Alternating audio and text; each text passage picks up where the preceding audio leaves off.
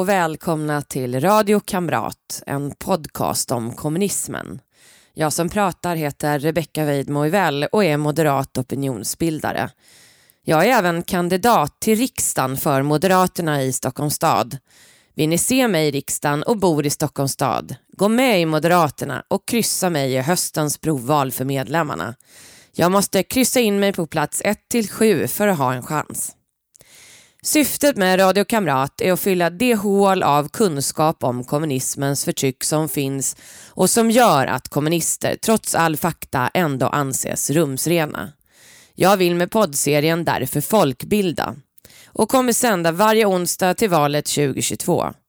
Vill ni som stödjer mitt initiativ om folkbildning om kommunism bidra kan ni swisha till 123 444 5847 123 444 5847 eller bli Patreon på patreon.com och sök efter Rebecca Weidmo så hittar ni mig där. Sponsra med en dollar per månad eller valfritt belopp. En av de mest kända terroristerna som jäckade polisen i decennier. Inte alla vet att han var kommunist. Han kallades Schakalen.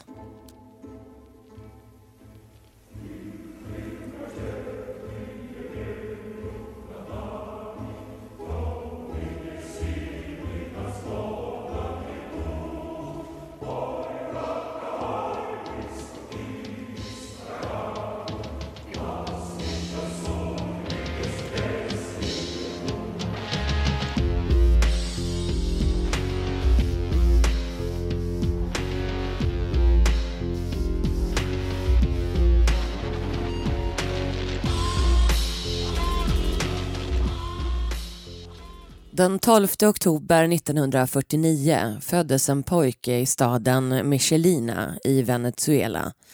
Han döptes till Ilich Ramirez Sanchez för Ramirez far, som var advokat och marxist, döpte alla sina söner efter kända kommunister och lille Ilich döptes till detta efter Vladimir Ilich Lenin, trots att modern ville ge honom ett kristet namn. Hans två yngre syskon döptes till Vladimir samt Lenin. Han studerade i Caracas och gick 1959 med i det kommunistiska partiet i Venezuela efter att han deltagit på den tredje trikontinentala konferensen i januari 1966 med sin pappa spenderade han sommaren på Camp Matanzas, ett gerillakrigsläger som arrangerades av kubanska militära delen av säkerhetspolisen G2 som sköttes av Che Guevara. Lägret var nära Havanna. Senare det året skildes föräldrarna och hans mamma tog med sig barnen till London där hon studerade på London School of Economics. Hans pappa försökte 1968 att få honom till Sorbonne men valde sedan RUDN i Moskva. Ett universitet för utländska studenter från tredje världen, ökända för att rekrytera agenter för Sovjet. Bara två år senare stängdes han av universitetet och reste till Beirut i Libanon. Där gick han som 24-åring frivilligt med i den kommunistiska palestinska gerillan PFLP, Popular Front for the Liberation of Palestine, och skickades till träningsläger i Amman i Jordanien. Samma slags läger som Rote arméfraktion för övrigt eh, åkte till. Sedan fick han kodnamnet H4 och stationerades med iraker nära den syriska gränsen. Han kom att spela en aktiv roll under Svarta september. Det är namnet på jordanska inbördeskriget och var en konflikt mellan den jordanska armén under ledning av kung Hussein och PLO under ledning av Yassir Arafat mellan den 16 och 27 september 1970. كل من يقف في طريقنا. To liberate our country, we are going to crush all those who are going to stand in our way, regardless the position of this who stands in our way. I really hope that we will move in the direction of peace because the situation, as explosive as it is, holds many dangers, not only to those involved in the area, but to the world as a whole. As we all know, the area of the world in which you rule is one that presently has some very explosive problems. And in order to solve those problems, leadership is required, leadership from within that area. Tonight, the leadership of King Hussein is challenged by all-out civil war in his country.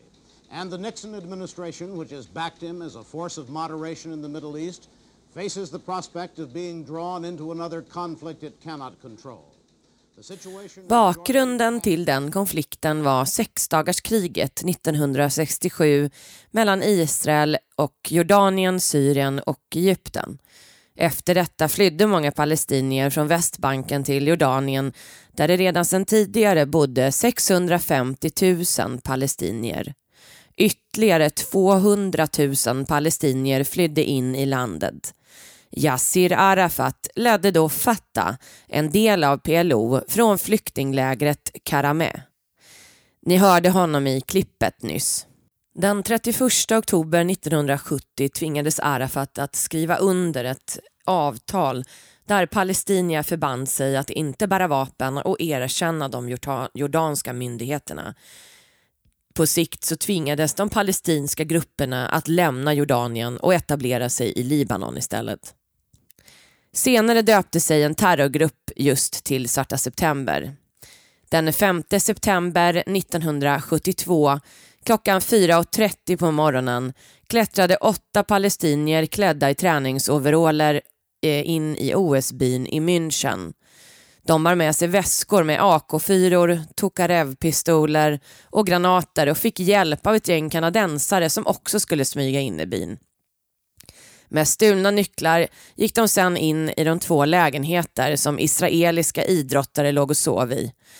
Två atleter vaknade och försökte hindra dem och dödades. De andra nio tog som gisslan. Gunman steps onto the balcony of 31 Connolly Street in Munich's Olympic Village. He knows the world is watching. Hundreds of TV cameras in place to cover the Olympic Games, now trained on this window. Inside, two Israeli athletes are dead. Another nine Israelis held hostage by a group of Palestinian gunmen calling themselves Black September. De krävde att 234 palestinska fångar skulle släppas från fängelser i Israel samt att Ulrike Meinhof och Andreas Badar skulle släppas från fängelset i Stuttgart. Israel sa blankt nej. Ingen förhandling. Gisslan och terroristerna flyttade sig till flygplatsen Fürstenfeldbruck utanför München när tyska polisen och militären försökte frita gisslan genom attack sköts samtliga. I striderna dödades fem ur Svarta september och en polis. Det har gjorts flera filmer om händelsen. Efter Svarta september skickades Ramirez att träna med PFLP-ledaren Wadi Haddad, även kallad Abu Hani, som organiserade flygplanskapningar som PFLP gjorde. Slutligen lämnade han Mellanöstern för att fortsätta studera, vilket han gjorde i England vid universitetet i Westminster, men han fortsatte att arbeta för PFLP. 1973 misslyckades han med att mörda viceordföranden för British Zionist Federation, affärsmannen Joseph Sif. Ramirez åkte hem till honom och krävde av hushållerskan att han skulle få prata med Sif han sköt honom när han låg i badkaret men kulan träffade under näsan och sen hängde sig pistolen och Ramirez flydde. Mordförsöket sägs vara en hämnd för att PFLP-ledaren Mohammed Boudia mördades av Mossad i Paris. Namnet Carlos, eller Schakalen, fick han av media efter att ett exemplar av Frederick Forsyths bok The Day of the Jackal hittats bland hans tillhörigheter på ett ställe han bott.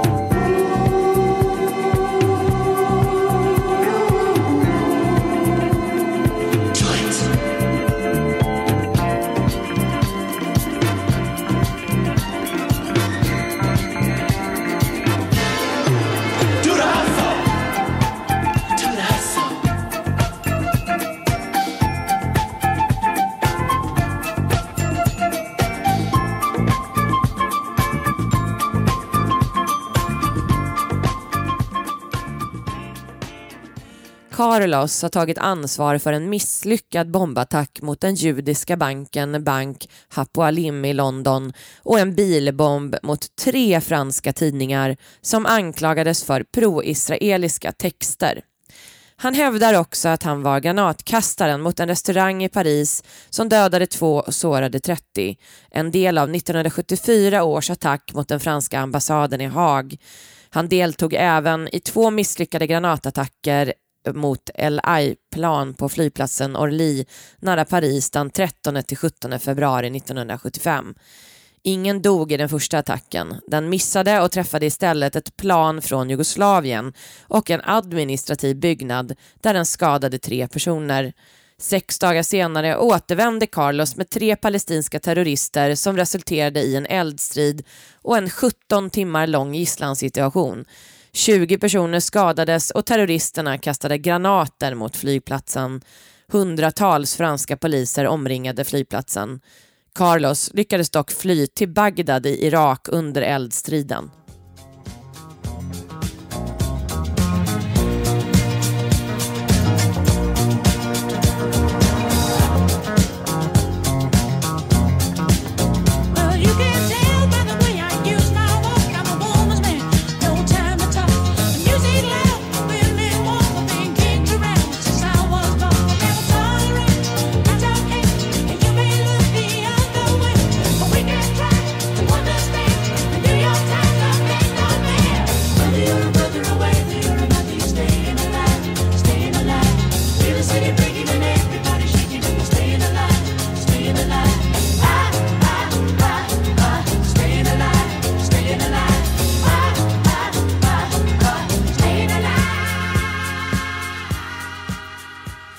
Enligt FBI-agenten Robert Scherer blev två terrorister arresterade i Paraguay 1975 och de hade båda Carlos telefonnummer i Paris.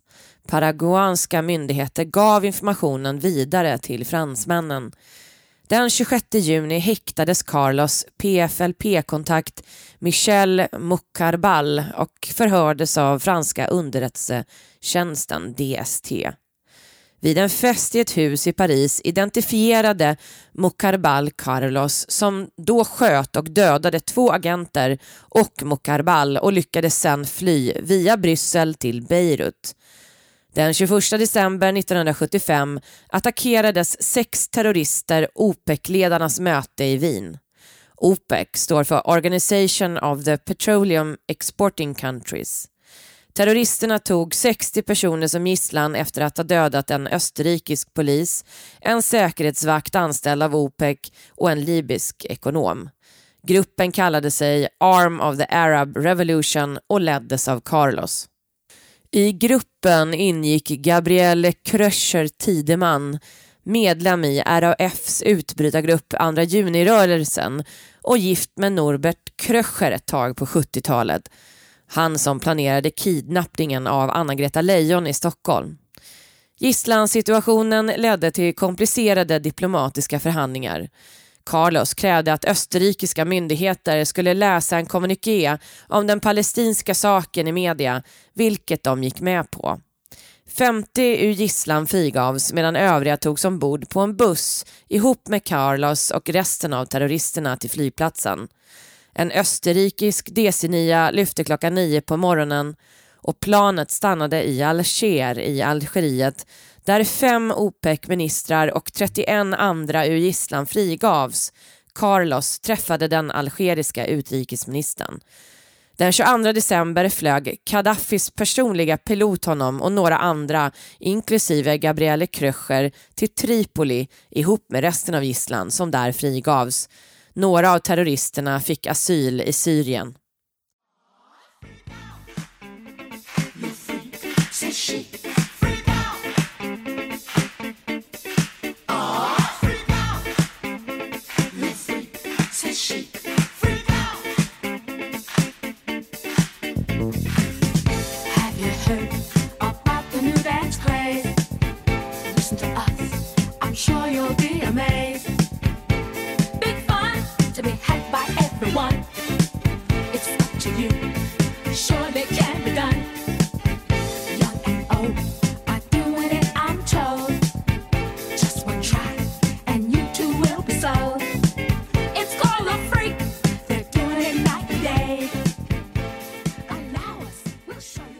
En annan PFLP-agent hävdade senare att Carlos fått en stor summa pengar av en arabisk president för att frige den arabiska gisslan. Summor som nämns är 20 till 50 miljoner dollar.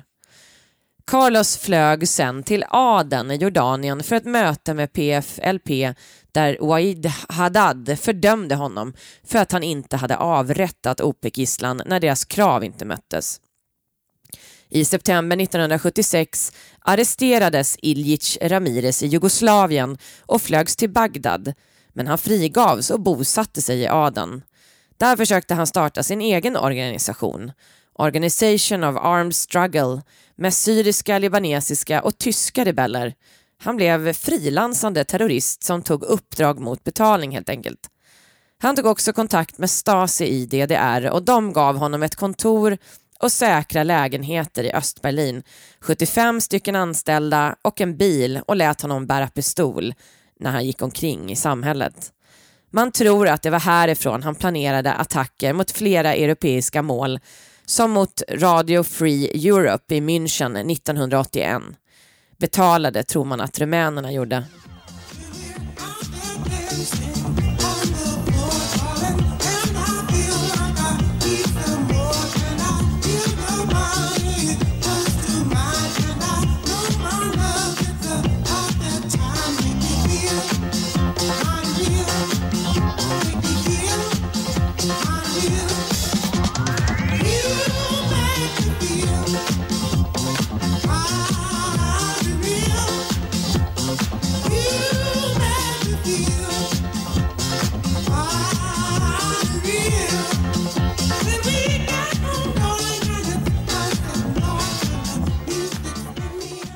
Magdalena. Carlos fru hette Magdalena Kopp och hon växte upp i västtyska Neu-Ulm. Hon utbildade sig till fotograf och 1967 flyttade hon till Frankfurt. I tidiga 70-talet blev hon medlem i socialistiska studentföreningar. Hon arbetade för kommunistiska tidningen Red Flag och var en av grundarna av Frankfurt revolutionära cell, RZ. Via en av dessa medlemmar träffade hon Ramirez och sen flyttade hon till Frankrike för att gå med i Carlos grupp Bodia och blev ihop med honom. Den 16 februari 1982 arresterades hon ihop med Bruno Brachet, en schweizare som suttit i fängelse i Israel för innehav av bomber. Det var en slump. En polis noterade att deras Peugeot stod olagligt parkerad och bad att få se papper när Brochet försökte skjuta honom men övermannades och i bilen hittades fem kilo av sprängämnet pentrit och falska pass. Planen var att de skulle spränga kontor för den arabiska exiltidningen Al-Watan al-Arabi för att de hade irriterat den syriska presidenten Hafez al-Assad. Den 24 maj 1982 dömdes Magdalena Kopp till fyra års fängelse. Hon släpptes 1985 och åkte direkt till Damaskus i Syrien för att återförenas med sin kärlek Ramirez. 1986 födde hon deras gemensamma dotter Elba Rosa Ramirez Kopp och de levde i Syrien till 1990 när Syrien, som var en av USAs allierade i Gulfkriget, bad dem lämna landet. De åkte, försökte åka tillbaka till Libyen men fick återvända på grund av något slags visumstrul. Då separerade paret och hon åkte till Venezuela till hans mamma medan Carlos drog till Sudan på diplomatpass. Kopp återvände till Tyskland efter några månader i Venezuela när hon fick veta att hon inte var efterlyst där. 2007 publicerade hon sina memoarer The years of terror, my life with Carlos hon dog 2015 i sin födelsestad.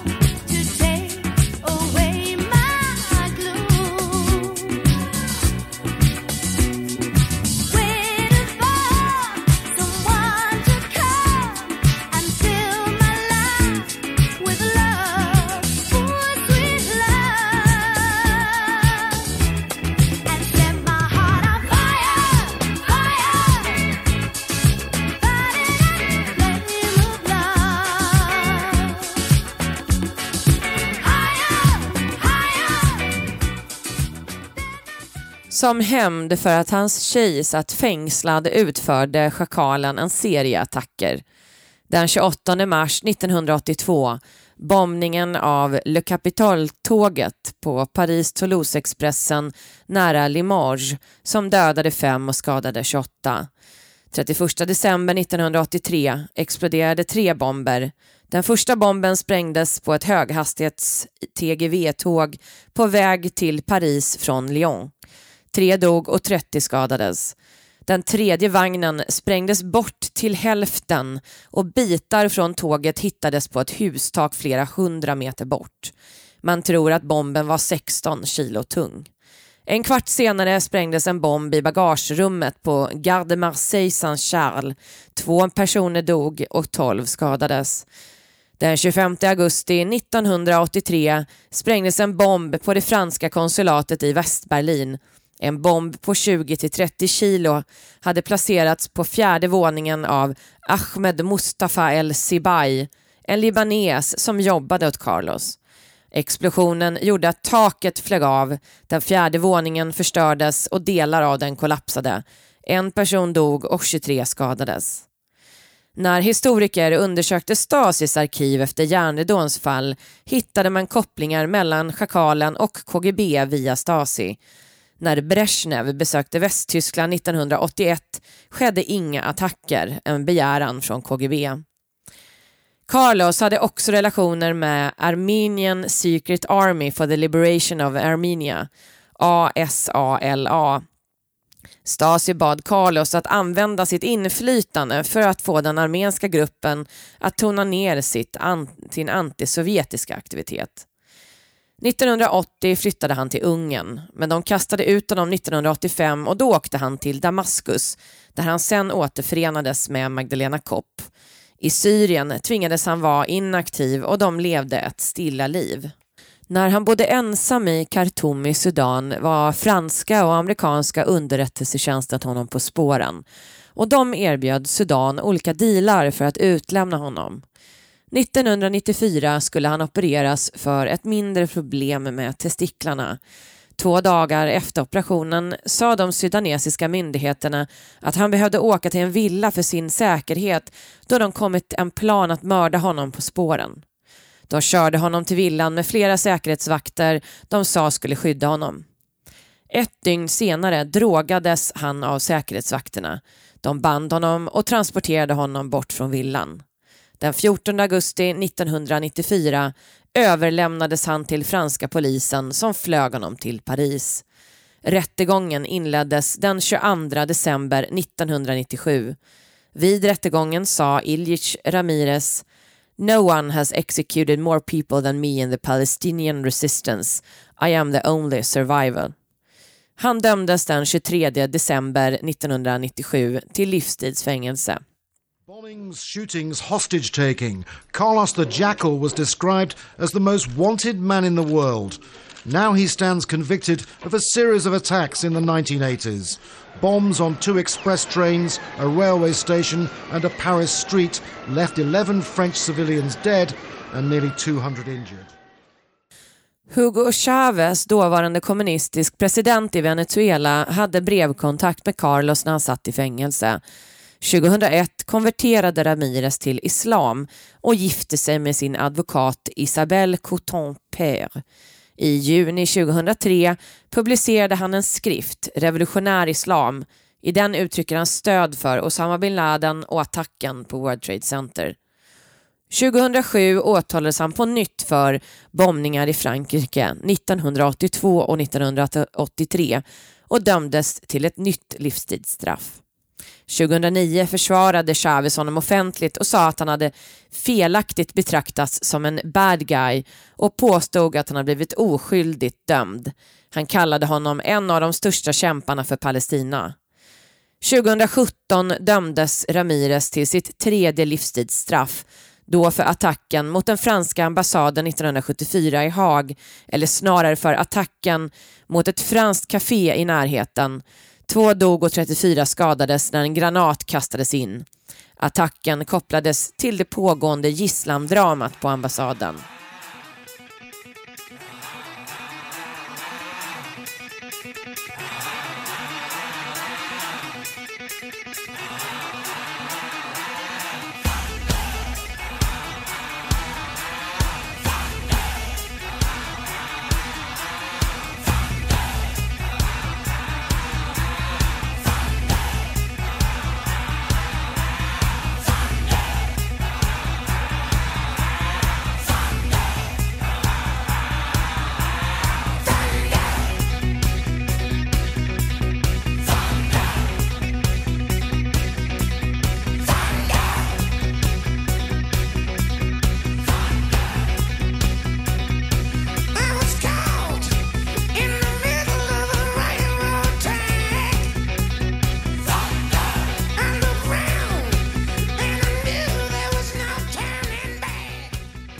Slutligen vill jag tacka för att ni lyssnat.